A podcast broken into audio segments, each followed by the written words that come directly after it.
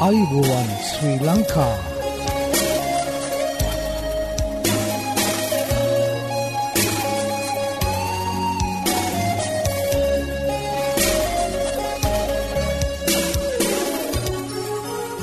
ඔබට සුපදස මේ Adventist World radio බලාපොරොත්වය හඬ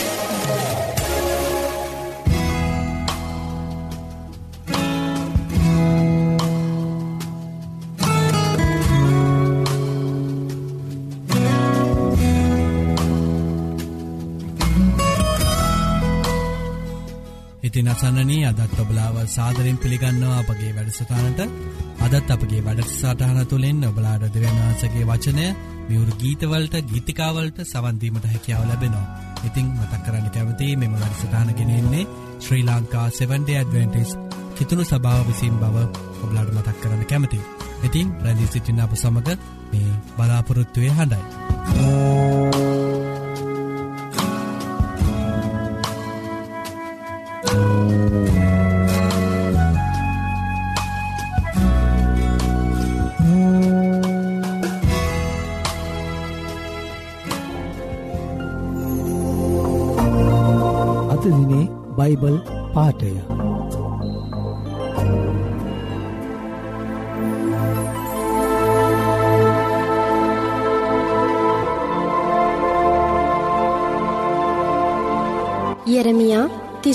තිස්තුන්වනි පරිච්චේදේ තුන්වෙනි පදය. මට යාඥා කරපන්න. එවිට මම නුබට උත්තරදී නුබ නොදන්න මහත් වූ අමාරුදේ නුබට පෙන්වන්නෙමි.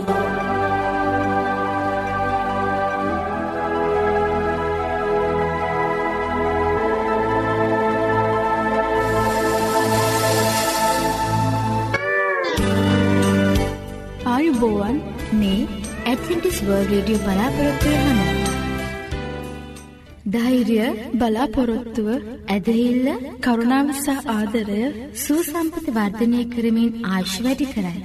මේ අත්හදා බැලිමිට ඔබ සූදානන්ද එසේනම් එක්තුවන්න ඔබත් ඔබගේ මිතුරන් සමගින් සුවසතර පියමත් සෞඛ්‍ය පාඩම් මාලාවට. මෙන්න අපගේ ලිපිනය ඇඩවෙන්ටිස්වල් රේඩියෝ බලාපොරොත්තුවේ අඩ තැපැල් පෙටිය නම්සේ පා කොළඹ තුන්න.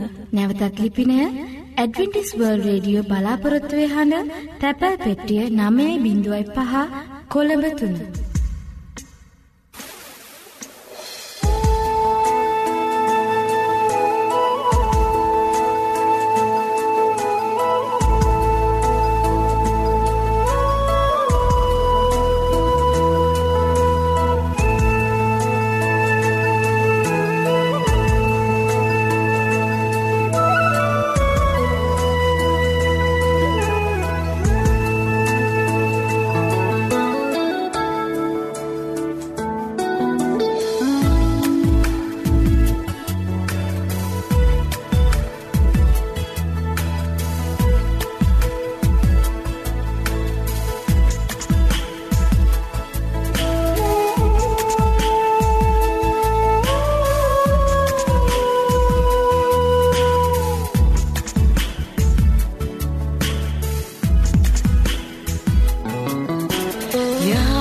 යහපත් විඳුනී ඔබේ නම වස්සවමි මාදිවී ඇතිතුරා ඔබේ ප්‍රේමය මාගයමි යහපත් විඳුනී ඔබේ නම වස්සවමි මාදිවී ඇතිතුරා ඔබේ ප්‍රේමය මාගයමි ශුද්ධයි ඔබ ස්වාමී ඇසිසුම් ලැබුමට සැරේ ශුද්ධයි ඔබ ස්වාමී.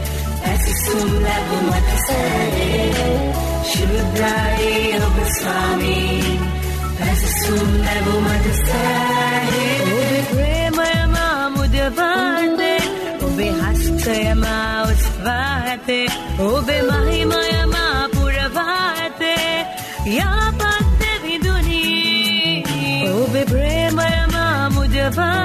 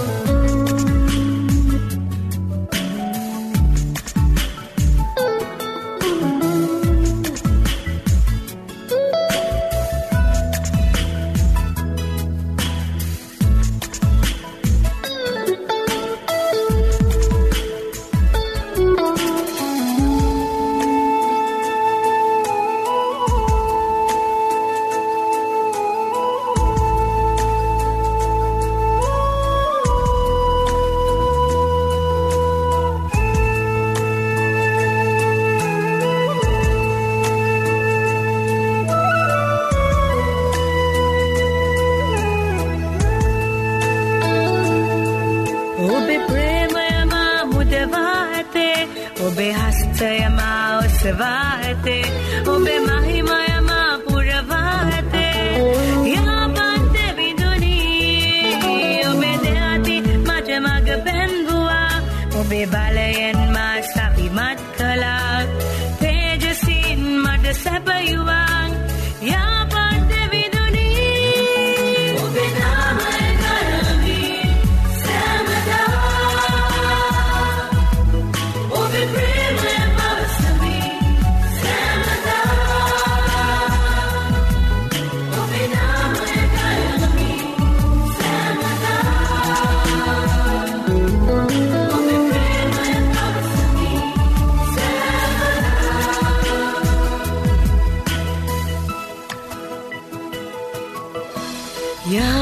යාපත් විදුනී ඔබේ නම ඔසවමි මාදිවී ඇතිතුරා ඔබේ ප්‍රේමය මාගයමි යාපත් විදුනී ඔබේ නම ඔසවමි මාදිවී ඇතිතුරා ඔබේ ප්‍රේමය මාගයමි ශුද්ධයි ඔබ ස්වාමීන් jumla bumatu sarhe shudai obaswami rajasumla bumatu sarhe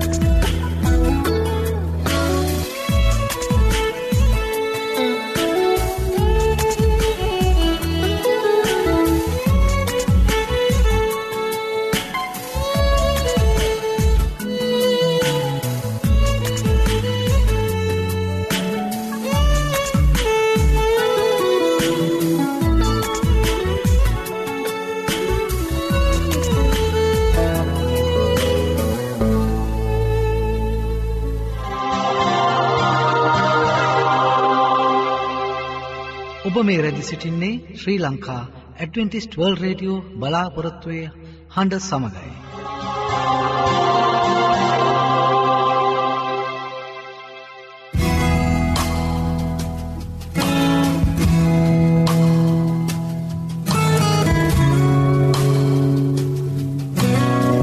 මා ප්‍රියාසන්නනී ඔබලාට ස්තුතිවන්ත වෙනවා අපි සමගරදී සිටිම ගැන ඉතින් මෙම අවස්ථාවේදී දිව්‍යන් වහන්සේගේ වචනය ගෙනීමට අදත් චරාත් පෙරේරා දෙවගිත්තුමා සැරසී සිටිනවා. ඉතිං අපි යොමුයමු දෙවන් වහන්සේගේ වචනය කරා ඔබලාගේ ජීවිතවලට ආත්මික පෝෂණය ලබාගන්ට මෙම වචනවලින් හැකිවේ යයි මම සිතනවා. ඉතිං අපි දැන් යොමුයමු දෙවන් වහන්සේගේ වචනයට මේ අලාපොරොත්තුවේ හඬ.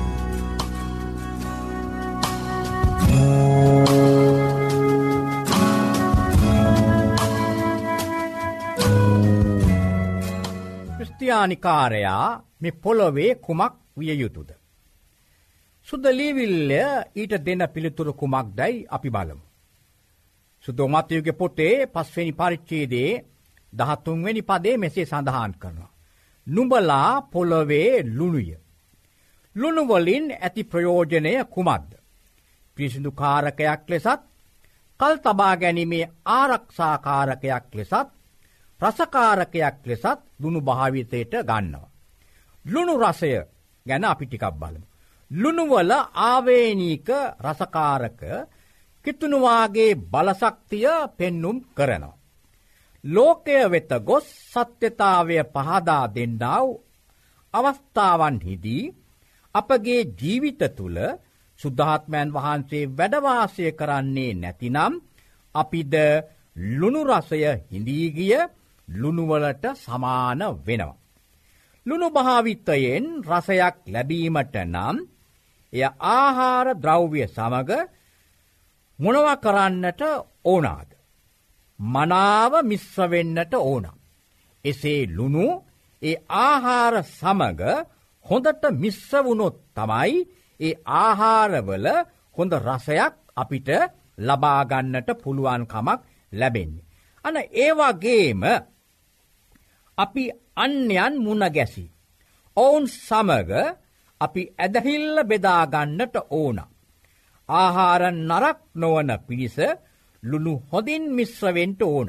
ඒ වගේම මනුස්්‍යයන් පවින් මුදාගන්නා පිණිස අපි මනුස්්‍යයන් සමග හොඳ සහභාගිකමක් පවත්වාගෙන යන්නට ඕන. ඒක අපේ යුතුකම. එ මන්ද යෙසු සමිධානෝ මෙ පොළවේ ජීවත්ව සිටින කාලයේදී ස්වාමින් වහන්සේ මුළු කාලයම යොදවනු ලබිවේ මනුස්්‍යයන් උදෙසා. එසේ නම් අපි අපේ කාලයක් අපි අන්‍යයන් සමග ගත කරන්නට වුවමනයි. නුබලා පොළොවේ ලුණුය. දේව ආදරය ලුණුමෙන් ජනතාව අතරට පතුරවා හැර දූෂණයෙන් ලොව ගලවා ගණ්ඩට ඕන. සුද්ධාත්මයන් වහන්සේව පිළිගන්නා අය තුළින් දේව ආදරය ලොවට ගලා යනව. දේවසේවේ යෙදෙන්නන් මේ ලෝකෙන් අහක් කොළොත් මිහිතලයට කුමක් වෙන්ට යන්නේ. සාතන්ගේ රාජධානය බවට පත්වී විනාශවී යනවා. එසේ නම් මිහිතලය සාතන්ගේ අතට පත් නොකරන පිණිස. අපි එකිනෙකා ඒ අඳුරේ සිටින්නාව එසි නැතිනම් සාතන්ගේ අන්දකාරයට අසුවී සිටින අය ආලෝකමත් කිරීම පිණිස අපි කටයුතු කළ යුතුය. යේසුස් වහන්සේ තම අනුගාමිකයන්ට අනතුරු ඇඟවීමක් කළා. දහත්තුන්වෙනි පදය අපි කියවා බලමු. ලුණුවල රස නැතිවුණොත් ඒවා කුමකින් රසකරුණු ලබන්නේද. ලුණු රස්සය නැතිවුණොත් ඒ වටිනාකම නැතිවී යනවා. රස නැති ලුණු පල නොදරන්න ගසකට සමාන කරනවා. ඔවුන්ගෙන් ලොවට කිසිම යහපතක් සිදුවන්නේ නැහැ. ඒ වගේම අපිත් පලදරන්නේ නැතිනම් අපි කිසි ප්‍රයෝජනයක් නැති සෙනගක් වෙන්නට යනව. මෙවැනි අයව ලුණු රස නැතිව ගිය ලුණුවලට සමාන කරනවා. ලෝකයාට ඔවුන්ගෙන් ක්‍රියාකාරි බලපෑමක් ඇතිවන්නේ නෑ.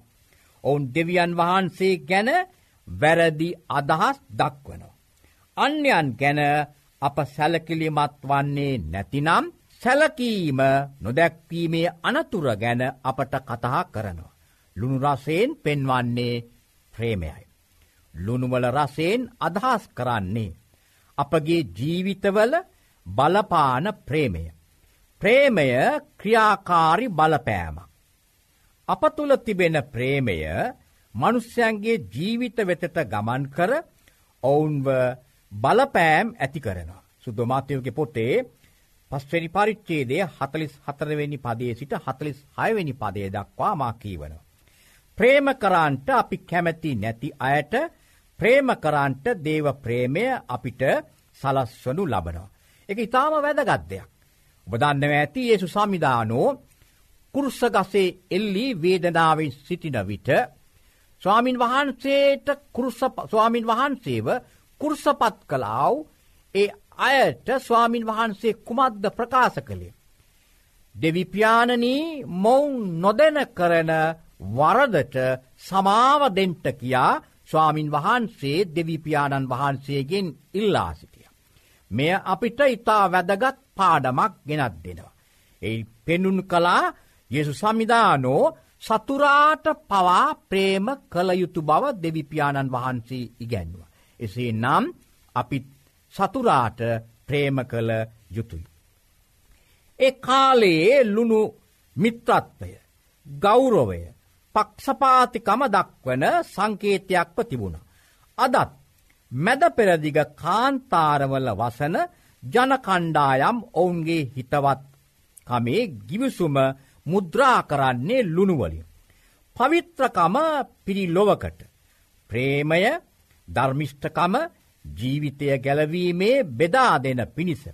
ස්වර්ගෙන් එවනු ලැබූ ලුණුමෙන් යේසුස් වහන්සේ අපේ ජීවිත වෙනස් කිරීමට ඉඩ දෙනවා නම්. අප ලබාගත්දේ මනුස්්‍යයන් සමග බෙදාගන්නට ඕන. ක්‍රස්ටයානිකාරයන් පොළොවේ ලුණිය මිදීමේ සත්‍යතාවය බෙදාදීම මනුස්්‍යයන්ට ප්‍රේම කිරීම මනුස්්‍යයන්ගේ අවශ්‍යතාවයන් සැපවීම ඔවුන්ගේ වගකීම වී තිබෙනවා. අපගේ ක්‍රස්ටයානි අත්දැකීම් ලුණුවලින් රසවත්වී නැතිනම්. අප තුළ ප්‍රේමය අඩන්ගුවී නෑ. දෙවියන් වහන්සේ ගැන අපට ඇති දැනුම. අන්‍යයන්ට උපකාර කිරීමට යොදා ගන්න. අන්‍යයන් ගලවන පිණිස අප තුළ අනුග්‍රහය තිබෙන්නට ඕන. අන්‍යන් මුණගැසි. ඔවුන් සමග අපි ඇදහිල්ල බෙදාගන්නට ඕන. රස නැති ලුණුවලට කුමක් කරන්ට ද යන්නේ. දහතුන්වෙනි පදයේම සඳහන් කරනවා මෙසේ. එදන සඳහන් කරනවා එතැන් පටන්. රස නැති ලුණු ඉවත දමන බව අපිට සඳහන් කරවා. රසන ඇති ලුණු කුමකටද සමාන කරන්නේ පල නොදරන්න ගසකට සමාන කරනවා රස නැති ලුණු. අපි දන්නවා ඒ සමිධානෝ ප්‍රකාශ කලා ඒ පල නොදරන අතු කපා ගින්නේ හෙළෙන බව. එනිසා ප්‍රේමණීය සහෝදර සහෝදරිය අපි පල දරන්නාව සෙනගක්වෙන්ට එකිනෙකා උත්සා කරමු මේ මගේ යාඥාවයි. අපි යාඥා කරමු. ප්‍රේමණීය දෙවිපාණනී ඔබ වහන්සේ අපව ලෝකයට ආලෝකයක් ආදර්ශයක් වෙට තබා තිබෙද බැවින් ස්තුතිවන්ත වෙනවා අපේ ආලෝකය ආදර්ශය ඒ මනුෂ්‍යයන් දකින පිණිස අපි ප්‍රේමයෙන් යුක්තව ඔවුන් සමඟ කටයුතු කරගරයන්ට අපි එකිනෙකාට මඟ පෙන්න්න. මේදේ ඉල්ලන්නේ යේසුස් වහන්සේගේ පින්වත් නාමය නිසාමය ආමේ. ආයුබෝවන් මේ ඇත්ටිස් වර්ල් රඩිය බලාපොරොත්වය හන. යෙසාය පනස්සිකි දොළහා නුම්ඹලා සනසන්නේ මමය. ඔබට මේ සැනසම ගැන දැනගානට අවශ්‍යද? එසේනම් අපගේ සේවය තුලින් නොමිලේ පිදෙන බයිබල් පාඩම් මාලාවට අදම ඇතුල්වන්න. මෙන්න අපගේ ලිපිනය ඇඩවෙන්ටිස් වර්ල්ඩ් රේඩියෝ බලාපොරොත්තු වෙ හඬ තැපැල් පෙට්ටිය 9 කොළඹ 3.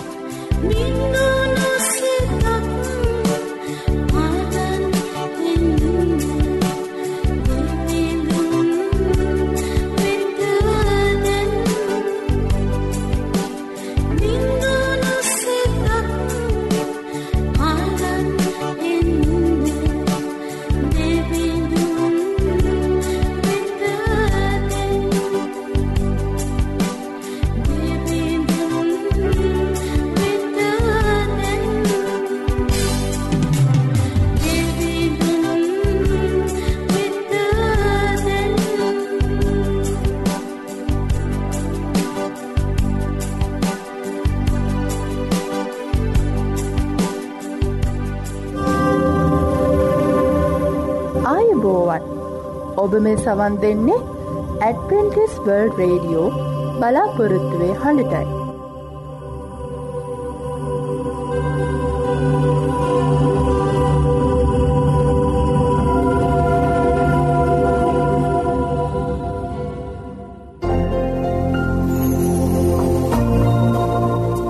අපේ මෙ වැඩසටාන තුළින් ඔබලාට නොමිලේ ලබාගත හැකි බයිබල් පාඩං හා සෞඛ්‍ය පාඩම් තිබෙනවා.